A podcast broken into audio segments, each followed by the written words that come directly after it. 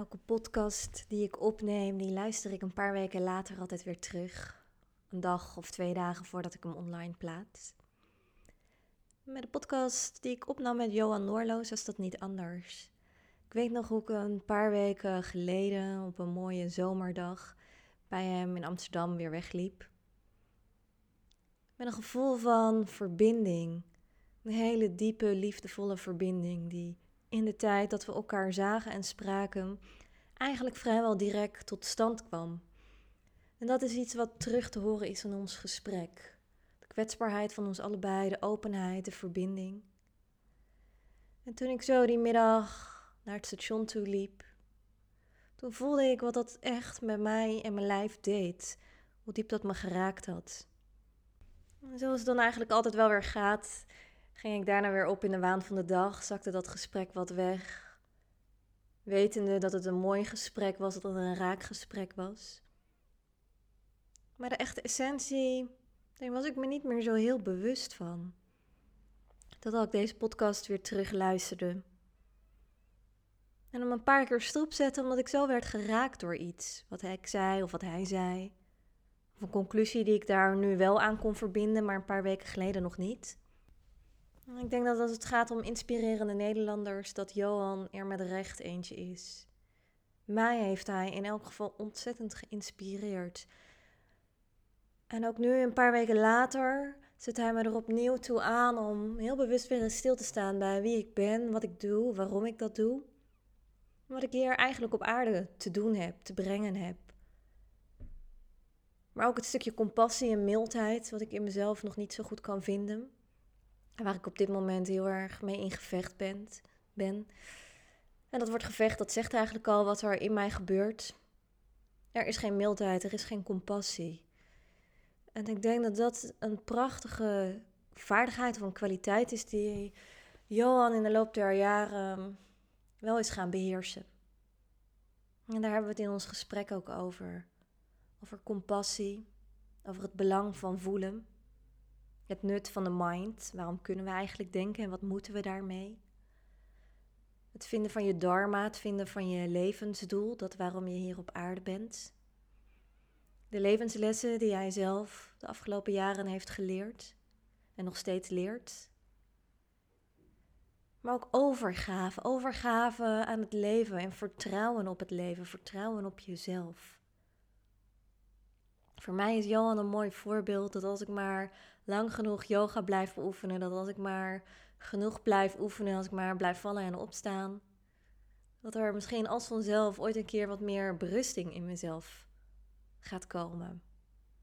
Misschien ook niet. Maar wat ik ook van Johan heb geleerd is dat het pad, waar dat ook heen leidt, al de moeite waard is en dat de bestemming niet zo belangrijk is. Dat je nu nog niet hoeft te weten waar je naartoe gaat of er naartoe wil. Dat het leven zich ontvouwt op het moment dat je in ontwikkeling blijft. Ik denk dat het een heel bijzonder en heel waardevol gesprek is voor yogis, maar ook voor mensen die geen yoga doen of helemaal niks hebben met yoga, maar die alleen maar wat bewuster stil willen staan bij hun eigen leven, bij de zin van hun eigen leven. Ik hoop dat deze podcast jou net zo weet te raken als het mij heeft gedaan. Ik weet in elk geval zeker dat ik hem zelf nog een aantal keer ga terugluisteren. Volgens mij ga ik elke keer weer een nieuwe levensles trekken uit de wijze woorden van Johan. Welkom, leuk dat je luistert naar het podcastkanaal van Everything is Oom. Mijn naam is Sabrina Souban en in deze podcast ga ik in gesprek met inspirerende Nederlanders. Mensen die iets doen of die iets hebben meegemaakt waar wij met z'n allen nog een heleboel van kunnen leren. Mensen die de wereld een beetje mooier maken door wie ze zijn of door wat ze doen. Wanneer je de podcast zo meteen beluisterd hebt en je hebt dat gedaan in iTunes, dan zou je me ontzettend helpen om 5 sterren te geven, zodat nog wat meer mensen deze podcast kunnen beluisteren. Elke twee weken komt er een nieuwe aflevering online. Dus wil je geen enkele aflevering missen, abonneer je dan vooral op dit kanaal Everything is Oom. Voor nu wens ik je heel veel luisterplezier toe. Vandaag ga ik in gesprek met Johan Noorloos. Jij bent oprichter van de nieuwe yogaschool in Amsterdam. Klopt. Yogadocent en ook auteur. vergeet ik dan nog? Uh, ja, vergeet je dan nog iets qua werk? Um, nee, ja. Dus het is, ik, ik, ik, nee, volgens mij is dat wel, uh, is dat wel wat het is. Dat is qua werk compleet. Ja. En als ik nou zou vragen, hoe zou je jezelf in vijf woorden voorstellen? Welke vijf woorden zou je daarbij gebruiken? Jeetje, wat een goede vraag. Um,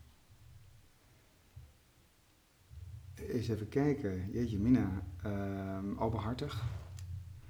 Um, moedig. Eerlijk. Um, het is grappig, hè? Want ik, ik noem nu woorden. Dat, dat, klinkt dan meteen heel onbescheiden om dat zo over jezelf te zeggen. Maar misschien zijn het vooral ook kenmerken die ik, heel, die ik zelf heel erg belangrijk vind en waar ik misschien ook een beetje naar op wil leven. Als je begrijpt wat ik bedoel. Mm um, kwetsbaar.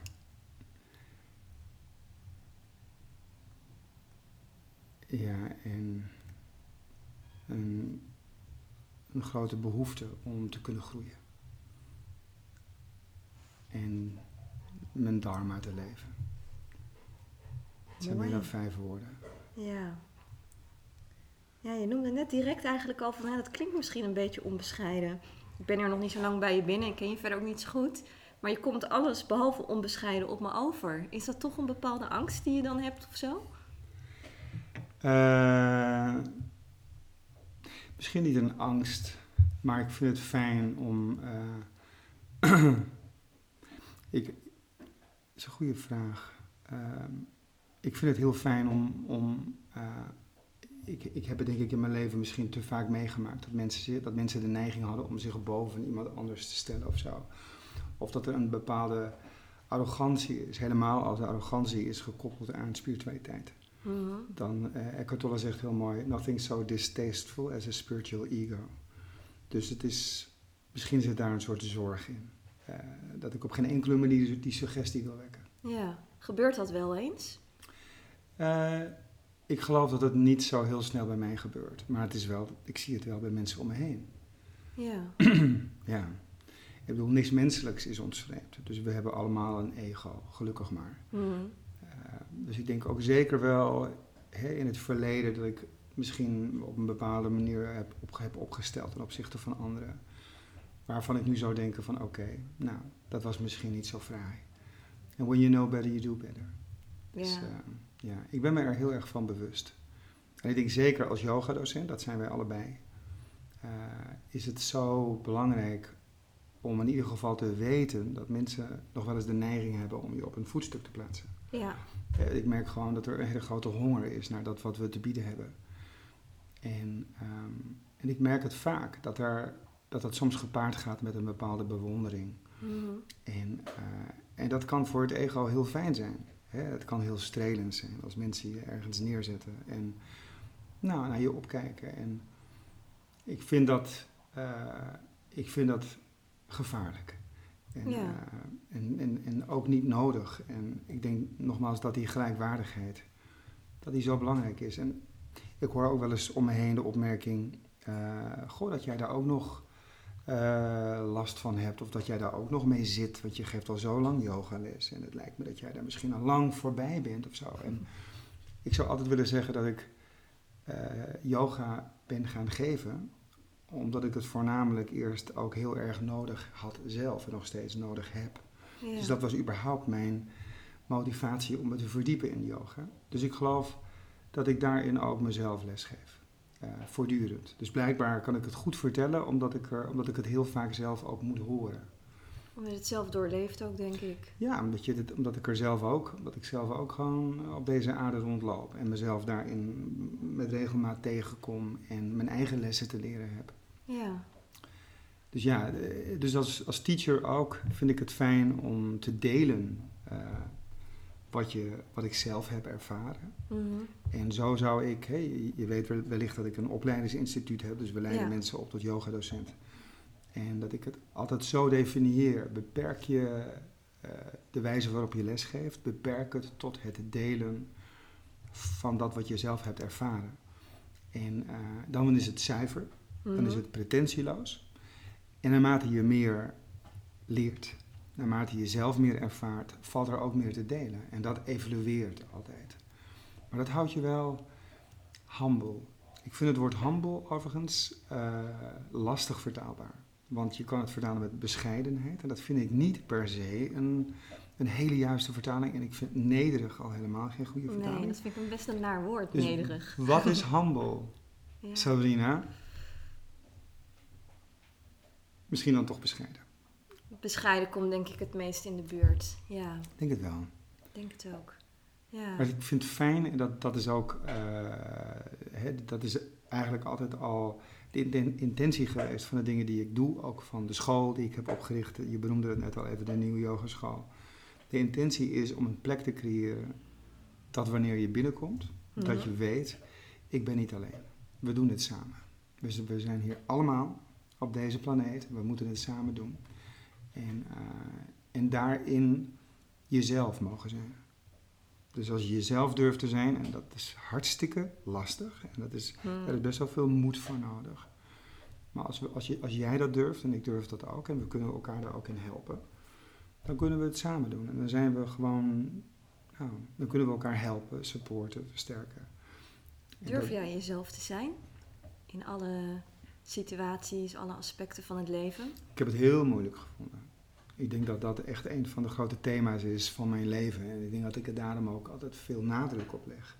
Ja. Omdat ik zelf weet hoe, hè, hoe moeilijk het is als je niet jezelf kunt zijn. Mm. hoe pijnlijk het is als je niet jezelf kunt zijn. En als, je, als het leven je op een bepaalde manier leert om een masker op te zetten, om nou, om heel veel kanten van jezelf onbelicht te laten. Ik weet hoe pijnlijk dat is. Dus ik denk dat ik het daarom ook zo ontzettend belangrijk vind om het daarover te hebben. Uh, al was het alleen maar voor mezelf. En uh, ik weet ook wanneer ik ergens mee zit, wanneer ik ergens mee deal of iets tegenkom, dan weet ik zo intussen ook wel dat er heel veel andere mensen zijn die daar ook mee dealen. Want daarin hebben we natuurlijk allemaal onze universele thema's waar we mee worstelen. Maar ik denk dat het, ehm, ja, dat ik, uh, ja, ik ben ontzettend dankbaar dat ik de afgelopen jaren stappen heb kunnen zetten, mogen zetten, uh, waar ik me ook heel erg ondersteund voel door de mensen om me heen. Waardoor ik meer en meer mezelf durf, meer kanten van mezelf durf te belichten. Mm. En uh, dat is niet makkelijk, maar ik ben heel blij dat dat steeds dat dat zich steeds meer ontvouwt. Wat maakt het dan lastig? Je zegt het is niet altijd makkelijk. Daarmee vul ik zelf eigenlijk in van hé, hey, er zit iets in wat lastig is. Heel lastig. Ehm, kijk, ik denk als je. we, we, komen allemaal ergens vandaan. En ik denk dat ik mezelf uh, al heel vroeg had geleerd dat jezelf zijn uh, teleurstellend is. en dat, dat heeft dan te maken met het feit dat je al op jonge leeftijd realiseert dat je anders bent. In mijn geval homoseksueel. En, uh, ja, en dan wil je zo graag voldoen aan een bepaald beeld waarvan je denkt dat de mensen om je heen dat van je hebben. Of, mhm. ik, ik, vond dat heel moeilijk, omdat ik ergens wel het vermoeden had dat het lastig zou zijn voor mijn dierbaren. Als ik zou vertellen wat ik voelde. Mm. En omdat je natuurlijk eigenlijk nooit. Hè, ehm, het is natuurlijk, niemand wil een dierbare teleurstellen. Dus ja, ik heb heel, heel jong geleerd dat ik mijn gevoel moest wantrouwen. En, uh, en, dat ik had, en dus leerde ik ook om mezelf anders voor te doen. Uh, ja. Heb je jezelf als heteroseksueel dan neergezet in eerste instantie? Of? Ja, laat maar zeggen, ik heb dat misschien überhaupt niet als zodanig gedaan, maar ik heb, uh, ik heb me geprobeerd aan te passen en misschien daarin. Uh, ja, ik, het, het, was, het was, een, het was een, een zodanig uh, taboe hmm. voor mezelf. Dat het überhaupt geen onderwerp was. Dat ik gewoon eigenlijk altijd dacht van oké, ik moet dit zien te overleven. Ik moet hier ik weet niet hoe het, ik weet niet, uh, hoe het, hoe het uiteindelijk zal uitpakken, maar ik, ik moet gewoon zorgen dat ik die dag doorkom. Ik moet zorgen dat ik, de, dat ik het jaar doorkom. Hè. Na de middelbare school ben ik verhuisd naar Groningen. En destijds dacht ik dat dat een hele fijne stap zou zijn, omdat ik dan misschien daar een bepaalde vrijheid zou kunnen voelen, waardoor Ja. ik misschien meer mezelf kon zijn. En dat was een hele grote illusie, omdat je jezelf altijd meeneemt. en ja, ik heb dat zeker de afgelopen 25 jaar, denk ik. Zo vanaf, eh, ik denk vanaf het moment dat ik in Kampen ging wonen. We zeiden net al even dat we allebei in Kampen hebben gewoond. Ja. Heel grappig. ja. Dat het toen wel is begonnen eigenlijk. Dat ik toen langzaam daar stappen in heb durven zetten. Soms dan moet je de bodem raken. En, Mm. eh, en wat ik heel mooi vind, en ik hoop ook de mensen die naar, die naar ons gesprek luisteren, want daarom hebben we dit gesprek natuurlijk ook, zodat we hopen dat andere mensen ernaar kunnen luisteren. Wat, het, wat ik heel erg heb geleerd, heb ervaren, is dat wanneer je de moed hebt om jezelf te durven zijn, of kanten van jezelf te belichten waar schaamte op zit, Ja. misschien ook wel een bepaalde schuld, dat dat ook heel bevrijdend kan werken voor anderen. Dus daar waarvan je misschien denkt dat je anderen tot last bent of teleurstelt, dat je misschien veel meer dan jezelf kunt bevroeden, andere mensen daar ook ongelooflijk in inspireert. Dat is eigenlijk Marianne Williamson die zegt, als je je licht laat schijnen, dan inspireer je anderen om dat ook te doen. Of als je bevrijd bent van angst, dan bevrijd je aanwezigheid anderen. Dat, heb ik heel erg gemerkt bij de mensen om me heen. Dat ik, doordat ik het durfde, gaf ik, leek het zo te zijn dat ik anderen, mijn dierbaren, ook ergens, ja, misschien dat, dat zij ook ruimte voelden om zichzelf te durven laten zien. En ik denk dat dat, ja, dat, dat, dat, dat is zo hartverwarmend eigenlijk. Want dan kun je echt dicht bij elkaar komen. En, en dan kun je elkaar daarin helpen. Dat denk eh, ik ook. het stuk. Ja. Ja. ik denk echt door je eigen kwetsbaarheid te tonen en iets te vertellen waar je misschien niet per se heel trots op bent of waar je mee struggelt, dat dat ruimte geeft aan de ander van, oh ja, Ja. dan mag dat er voor mij ook zijn. En ik, Ja. denk dat het ook een soort wisselwerking is. Op het moment je zelf iets groots geeft, Dat dat, dat, dat de ander uitnodigt om ook iets terug te geven van zichzelf. Dat merk ik heel erg bij de studenten ook in de school, hè, die in, in, op, in een opleiding zitten. Ja. Kwetsbaarheid nodigt kwetsbaarheid uit. Ja, En eh, ja, dat weten we. En het is heel fijn dat we dat nu zo, eh, dat we dat zo, nou ja, hè, naar elkaar kunnen uitspreken. En eh, ja, dat voelt als een enorme rijkdom. En ik ben heel blij dat, dat, we, dat ik het in ieder geval voor mezelf sprekend, dat ik dat nu zo kan zeggen tegen jou. Terwijl er heel veel mensen misschien meeluisteren. En dat, er nog een, dat we nog midden in het leven zitten, snap je? Ik bedoel, soms heb je, ik kan me zo voorstellen dat je aan het einde van je leven allerlei mooie inzichten hebt. ja. Dat je denkt, had ik het maar geweten 30 jaar geleden of Ja. toen ik nog jong was. En wat jammer dat ik het nooit wist. En eh, we weten natuurlijk allemaal niet hoe lang we nog blijven leven, maar ik ben heel blij dat ik het nu weet. ja. En dat ik er nog zo middenin zit. Wat zou jij de jongere Johan graag hebben willen meegeven? Nou, dat is wel een hele mooie vraag. Ehm, ontspan. Span. ja, ontspan en weet dat er heel veel van je wordt gehouden. Wauw, dat vind ik echt een mooie. Ja. Hoe ben je dat gaan ervaren dat die liefde er is? Ehm, door de verbinding te voelen, door, hè, door ook door niet de ander aan te vallen of te projecteren of mm, hè, door wat we net zeiden. Ik geloof dat ik heel erg onbewust en bewust de, de verantwoordelijkheid altijd heb genomen voor mijn eigen proces. Waardoor de ander zich ook kan laten zien en zich niet, nou ja, nogmaals, aangevallen voelt. Of, en daarin voel je dan zoveel liefde. En eh, als de angst wegvalt, is er zoveel liefde. En ja, dat is, dat is wat ik meer en meer voel om me heen. En eh, Het is leuk, ik zag een heel... Ik, ik was mijn tweede boek aan het schrijven. Mhm. En eh 12 goeroes, 13 ongelukken, dat is lang geleden. En ik herinner me dat ik tijdens het schrijven keek ik naar een vakantiefilmpje van vroeger. En toen zag ik, het was een soort, klinkt misschien een beetje, beetje, beetje suf of zo, of een beetje kinderlijk, maar ik zag hoe daar, want ik zag mezelf dus als klein jongetje, ik heb twee oudere broers en ik heb natuurlijk een hele lieve vader en moeder. En ik zag gewoon hoe, ja, ik zag hoe ze van me, hoe, hoe ze van me hielden. En eh, dat, dat, dat was heel, eh, ja, ik vond het echt een, bijna, eh, ja, ik vond het heel mooi om daarnaar te kijken. Om te zien Ja. hoe ze me vastpakte. En ik voelde, je voelde de liefde als je naar dat filmpje keek. En toen dacht ik, wauw, wauw. Ik was het zelf die het heel erg moeilijk vond om van gehouden te worden. Ja. Ik vond het moeilijk om van Johan te houden. Wauw.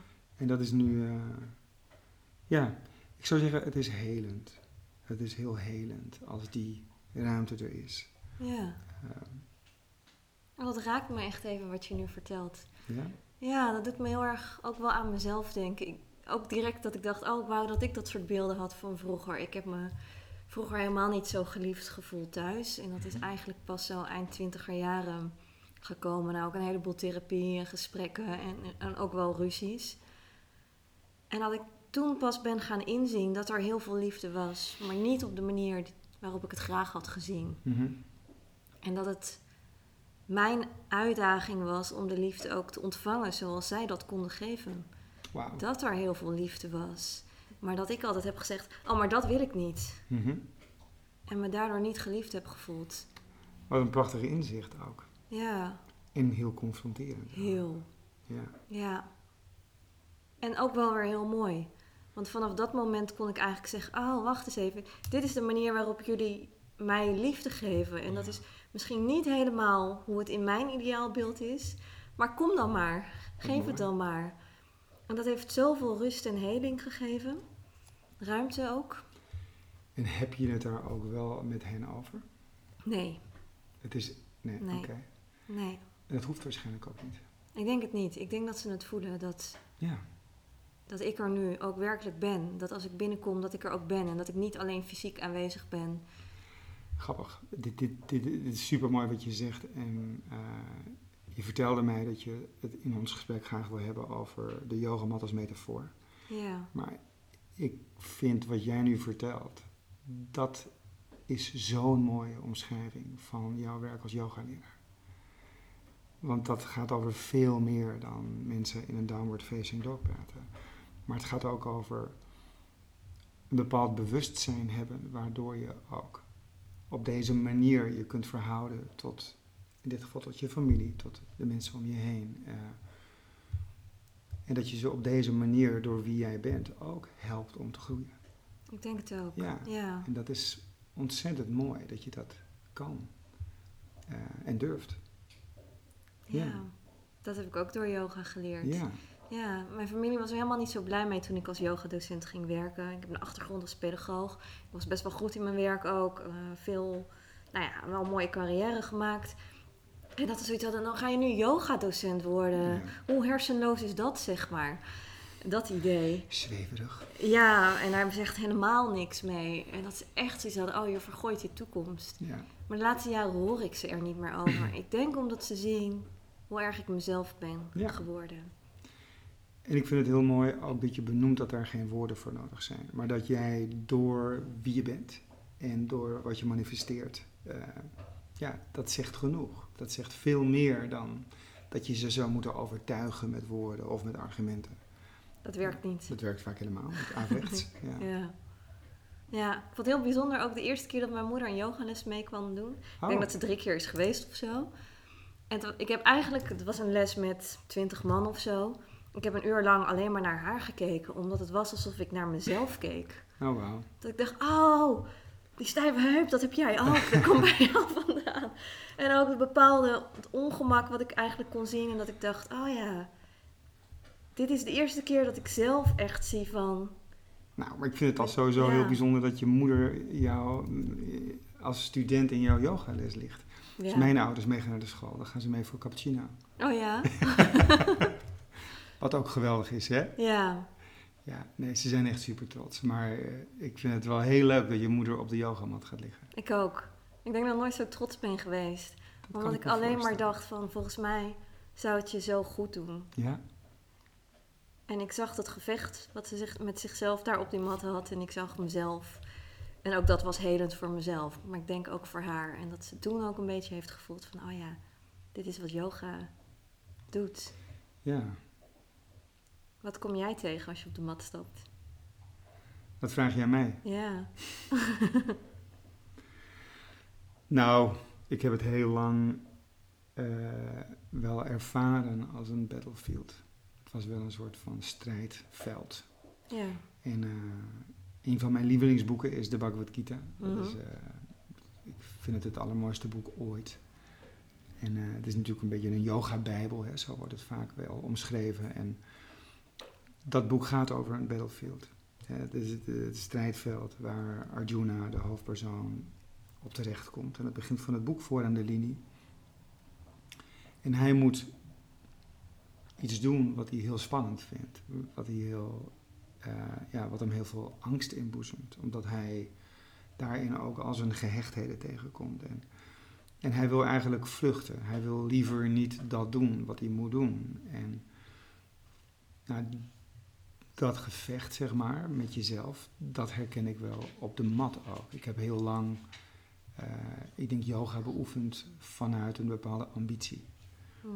En eh, dat ik het, hè, dat ik bezig was met, de, met iets te kunnen en dat het moest lukken.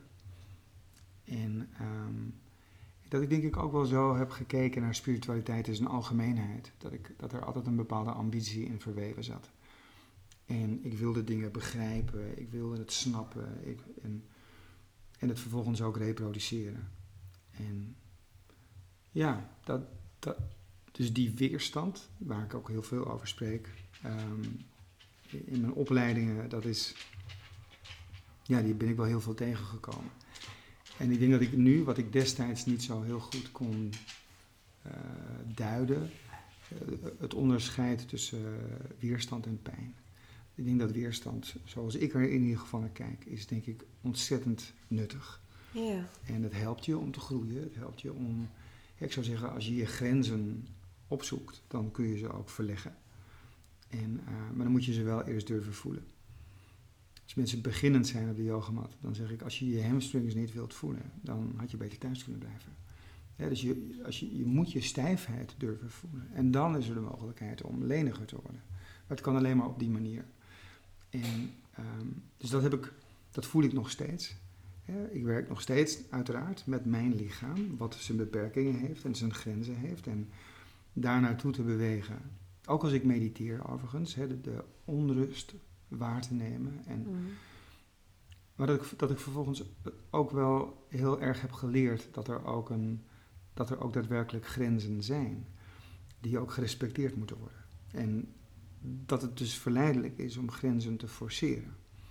En, eh, en dat zou ik blessurepijn noemen. Dus er is groeipijn en er is blessurepijn.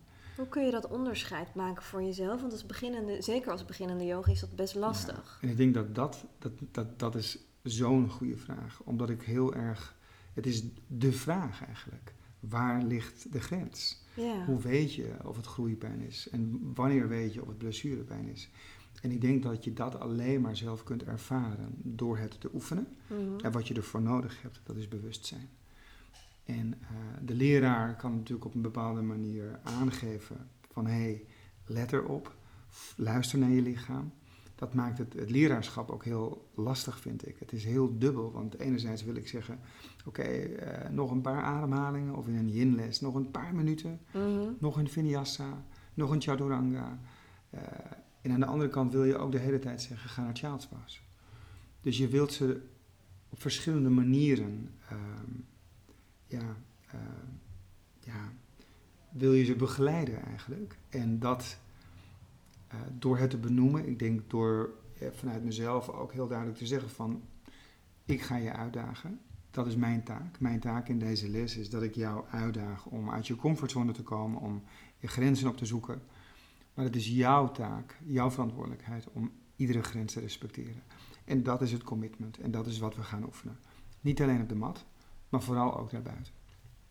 Dus als het onaangenaam wordt, wat het in ieders leven met regelmaat is, dat je jezelf de vraag kunt stellen: wat wil hier gebeuren? Uh, wat is dit? Is dit een onaangename sensatie die mij uitnodigt om te groeien? Uh, word ik hier uitgenodigd om los te laten wat me niet meer dient? Of doe ik mezelf geweld aan? En, uh, en vaak heb je geen antwoord, mhm. maar het stellen van de vraag is denk ik de allergrootste stap. En dat je je daar bewust van wordt. En, en uiteraard, soms is er heel even blessurepijn. Ik heb een tijd lang geen down dog kunnen doen, dat ik mijn pols had overbelast. Mm. Daar leer je van. Liever niet, maar soms is het onontkoombaar. Ik denk dat de, de, de, het, het verhaal van velen die bij ons in de school binnenkomen en ook een opleiding doen, is dat er een burn-out is geweest. een bepaalde mate van overspannenheid. En ik zou zeggen dat is een, bijna een klassiek voorbeeld van blessurepijn dat je stelselmatig je grenzen hebt geforceerd. En dat je misschien niet eens hebt geweten dat er grenzen bestaan überhaupt. Mhm. En uh, dus daarvan, ja, ik denk dat dat nogmaals degene die de vraag stelt, moet hem ook beantwoorden. Uh, maar de leraar kan je helpen om jezelf dit soort vragen te blijven stellen. Ja, te blijven stellen noem je ook. Ja. Ik denk dat het heel belangrijk is om dat inderdaad te blijven doen. Want soms, tenminste als ik over voor mezelf spreek, heb je dan als gevorderder yoga, wat dat ook mag zijn, ja. als de arrogantie om te denken van, oh, dit kan ik nou wel. Ja. En dan ondertussen met je hoofd heel ergens anders zijn en je lijf maar iets laten doen of iets forceren. Maar juist dan is het soms ook weer belangrijk om weer terug te komen bij die vragen. Ja. En wat ben ik eigenlijk aan het doen en vooral ook waarom ben ik dit aan het doen? Ja.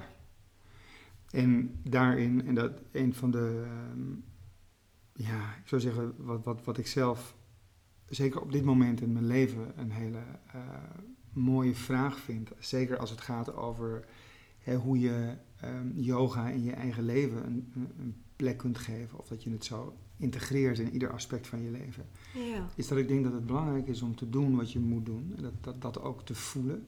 Ja, terug naar Arjuna. Hij was de beste krijger uh, die er is hè, in, zijn, in zijn familie dan. Dus hij moest ook het teken geven om die strijd te kunnen laten beginnen. Niemand anders kon die taak van hem overnemen. Dat was overigens ook zijn vraag hè, aan die oude Krishna. Uh, laat iemand anders het doen. Nee, zei hij. Het, antwoord was nee. Jij moet het doen, want jij bent. Het is je dharma, Arjuna. En ik denk dat. Hè, en overigens, wat ik daar ook heel mooi aan vind, degene die hem naar de linie reed op de praalwagen, dat was dus Krishna.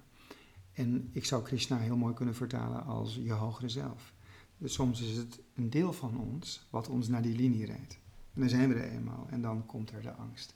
Ik, ik weet nog wel dat ik heel graag de, de nieuwe yogeschool wilde openen. Of ik wilde hem creëren. En ik had allerlei beelden over hoe mooi het zou zijn. En, en hoe geweldig die plek zou zijn als een soort ontmoetingsruimte. Waar iedereen met elkaar de verbinding kon ervaren. En dat we elkaar konden helpen. En ja, ik heb daar gewoon uh, uren, uren over gedagdroomd en over gevisualiseerd. En, maar toen het er eenmaal was, nou, er zijn echt wel momenten geweest dat ik gewoon uh, wilde vluchten naar mijn moeder. dat ik dacht, ik wil hier niet zijn. Ik, ik, ik, ik val zo meteen keihard door de mand. Uh, ik vind het veel te confronterend. Ik ben bang om tegen te vallen, bijvoorbeeld. maar ik denk, wat het me zo leert, is dat je ergens in het leven erachter komt wat je calling is, wat je purpose is, wat je hier te doen hebt. En ik denk dat dat zich heel vaak vertaalt in dat, je, dat je dat leert herkennen wanneer het stroomt in je leven. Wanneer je een bepaalde blijdschap voelt of een bepaalde vreugde voelt. Ja. Dat je weet van hé, hey, volgens mij moet ik het hierin vinden. Dit is een talent bijvoorbeeld. Heel vaak gaan passie en talenten ook samen, denk ik. Um, en op het moment dat je dat ergens hebt gevoeld van hé, hey, dit is het misschien voor nu. Dat zal ook altijd wel evolueren, denk ik. Ehm, dat er dan, en dat is zo'n prachtige les uit de Gita, dat je dan het doet zonder je te hechten aan het resultaat. Maar dat je het eigenlijk doet omdat dat misschien wel de hele reden is uh, waarom je hier überhaupt bent. En dat het niet is om mijn Johans ego te pleasen of te strelen. Maar um, ja, dat je het uh, kunt doen vanuit een bepaalde overgave aan iets wat je misschien nooit helemaal kan begrijpen of, of kan analyseren. En dat, dat, dat vind ik zelf. Uh, op de yogamat is het vaak shavasana. Je hebt al die inzet gedaan en dan is er overgave, lang ja. uitliggend.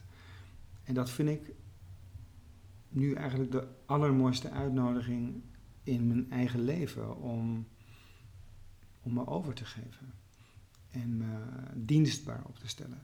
Dus dat is heel vaak de, letterlijk de vraag, gebruik me dan. En aan wie ik dat dan vraag. Aan het leven, of aan de kosmos, of aan God, of aan het universum. En hoe kan ik, uh, hoe kun je me nou het meest effectief inzetten? Sluit dat ook aan op jouw dharma? Je hebt dat woord al een aantal keer genoemd. Ja, ik denk dat dat voor iedereen geldt. Ik denk dat het eigenlijk een vraag is die iedereen heel goed zou passen. Van wat kan ik doen om te dienen? En hoe kan ik. Uh, ik zou het ongelooflijk mooi vinden als. Um, wat ik misschien zelf nu al zo duidelijk voel, is uh, dat ik als een leraar uh, iets kan betekenen voor andere mensen. Ik heb heel lang met kinderen gewerkt en uh, nu veel met volwassenen. En ja, in alle onbescheidenheid vind ik dat ik, dat, dat ik daar ook een talent voor heb. Ik, omdat ik het ook ongelooflijk leuk vind om te doen. En, uh, maar ik zou het ook uh, de, de, de, de, de gehechtheid aan welk resultaat dan ook. En het is zo menselijk om iets te doen en dan alweer bezig te zijn met het effect, of met het mhm. resultaat. En wat levert mij dat dan op en hoe word ik hier beter van? En ja, daar je bewust van te zijn en dat, dat, dat je dat niet in ieder geval als een hoofdmotief mee laat spelen. Maar het doet omdat je weet, hé, hey, dit is wat ik hier kom te doen, wat ik hier te doen heb. Uh, in mijn geval de komende, wat zal het zijn, 30 jaar, mm 35 jaar. Het gaat sneller dan we denken. Ja. Wat zou je de wereld graag nog willen brengen? In die komende 30, 35 jaar. Dat klinkt trouwens best kort als je dat ja, hè? zegt. Nou zeker. En het, was, het wordt helemaal confronterend als je terugtelt. Als ik 30 jaar terugtel, toen was ik uh, al bijna 20. Nou, dat is nog maar heel kort geleden voor mijn gevoel hoor. Dus dat is, uh, zijn een beetje gekke rekensommetjes. Ja. maar ik weet eigenlijk niet zo goed uh, het antwoord hierop. Omdat ik ook heel erg weet, bedoel, als ik nu terugkijk naar bijvoorbeeld tien jaar geleden of vijf jaar geleden en laat staan twintig jaar geleden, ik had nooit kunnen regisseren dat het zo zou gaan. Had het nooit kunnen bedenken. Ik kon ik kon er niet eens het idee dat ik, uh, dat ik vrij uit mezelf zou kunnen laten zien. Dat ik uh, door helemaal mezelf te durven zijn, althans voor zover dat in mijn vermogen ligt, dat dat misschien wel uh, de reden is dat er zoveel mooie dingen aan het manifesteren zijn. Dat, dat er mooie dingen gebeuren en dat mensen, dat ik zoveel liefde voel en zoveel verbinding voel. Dat had ik nooit kunnen bedenken. Dus ik geloof ook dat, dat wat er, laat me zeggen, wat er de komende tijd uh, voor mij dan in petto is, dat ik dat niet kan bedenken. Maar dat het zich ontvouwt. En uh, ja, dat, snap je wat ik bedoel? Ja. Geeft dat ook vertrouwen in periodes dat het wat minder gaat? Ja, ja, hoewel het, eh, we zijn ook, ik ben, we zijn allemaal mensen en ik merkte ook, zeker de afgelopen periode, de afgelopen maanden, Coronaperiode heb je het dan over? Ja, de coronaperiode. In de lockdown, dat ik me dan ook weer verongelijkt voelde. Van hé, hey, waar, eh, dit wordt over mij besloten en het is niet helemaal eerlijk. En eh, dat, dat, dat, dat verongelijkte, dat was ook wel weer boeiend, omdat ik ja, in die tijd ook weer kanten van mezelf onder een vergrootglas heb kunnen leggen. Van hé, hey, wie is hier aan het woord? En, en wie is hier boos en wie voelt zich verongelijkt? Dus dat was, ik denk terugkijkend, ja, ook wel weer louterend, zou ik willen zeggen. Ehm, en dat is ook makkelijk praten. Hè? Wat ik bedoel, het gaat eigenlijk heel erg goed met de nieuwe yogeschool. We zijn het allemaal weer aan het opbouwen en er is heel veel vertrouwen. Dus ik heb heel veel compassie met mensen wiens onderneming misschien ja, meer schade heeft geleden door, door die moeilijke periode. Ehm, maar het geeft me absoluut meer en meer vertrouwen dat ik, ehm, dat ik en jij en wij allen onderdeel uitmaken van iets veel groters, van iets veel omvangrijkers dan wij ooit zullen kunnen bedenken. En me daaraan over te durven geven in kleine stapjes, dat is hè, wat ik zelf ook doe. Het zijn vaak hele kleine stapjes. Dat geeft ontzettend veel vertrouwen. Ik vind dat soms best spannend, die overgave. Wat vind je spannend? Nou, op het moment dat iets goed voelt, dan is overgave niet zo heel ingewikkeld. Maar vooral op het moment dat er tegenslag is of dat je de uitkomst even niet weet, dan vind ik overgave heel lastig omdat er een bepaalde angst is. Ik denk dat het vooral een angst voor loslaten misschien toch is. Ja, is het een angst voor loslaten? Even denken hoor. Het is eigenlijk wel heel grappig dat je dat zegt. En ik, ik ervaar namelijk het tegenovergestelde. Oh, vertel me wat het geheim is. nee, maar ik, ik ervaar zelf als het heel goed gaat. Oh, ja? Dat er dan juist de verleiding is om me daaraan te hechten. En als het niet goed gaat, dat ik dan veel meer tot een punt kom. Oké, nou, dan laat ik het ook maar helemaal los. En dan geef ik het over. En dan, oké, laat me dan maar zien wat hier de bedoeling van is. Of wat, wat zich wil ontvouwen hier. Uh, en heb ik het zeker over jaren geleden, als dingen goed liepen, dan, dan, dan wilde ik dat eigenlijk ook wel heel graag vasthouden. Hmm. Dus dat is, een, is interessant toch, dat we er allebei op een andere manier ervaring ja, mee hebben. Heel grappig. Van jou klinkt heel relaxed in mijn beleving nu. ja, dat is, ja, interessant. Ja. ja. Maar het is ook niet, um, het is niet per se eenvoudig. Nee. Uh, maar dat hoeft ook niet. Ik was een keer, ik deed een keer een retreat, dus nog helemaal niet zo lang geleden, anderhalf jaar geleden, met een uh, dierbaar iemand. En uh, toen maakte ik een opmerking, want het, was ontzettend veel mediteren, echt uh, een aantal uur per dag. En, en toen zei ik, ik vind het wel confronterend. En toen, zei een uh, dierbare vriendin, ja hallo, maar we zijn hier niet om het leuk te hebben per se.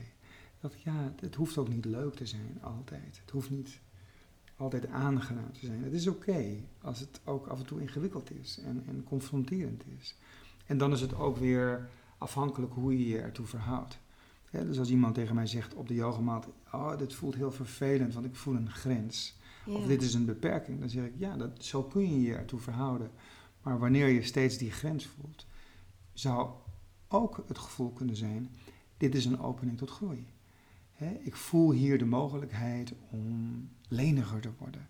Zo kun je je er ook toe verhouden. Dus het is net welk, ja, welk label je erop plakt. Of hoe je, vanuit welk bewustzijn je er naar kijkt. Ja, dat is een stukje mindset ook wel. Ja.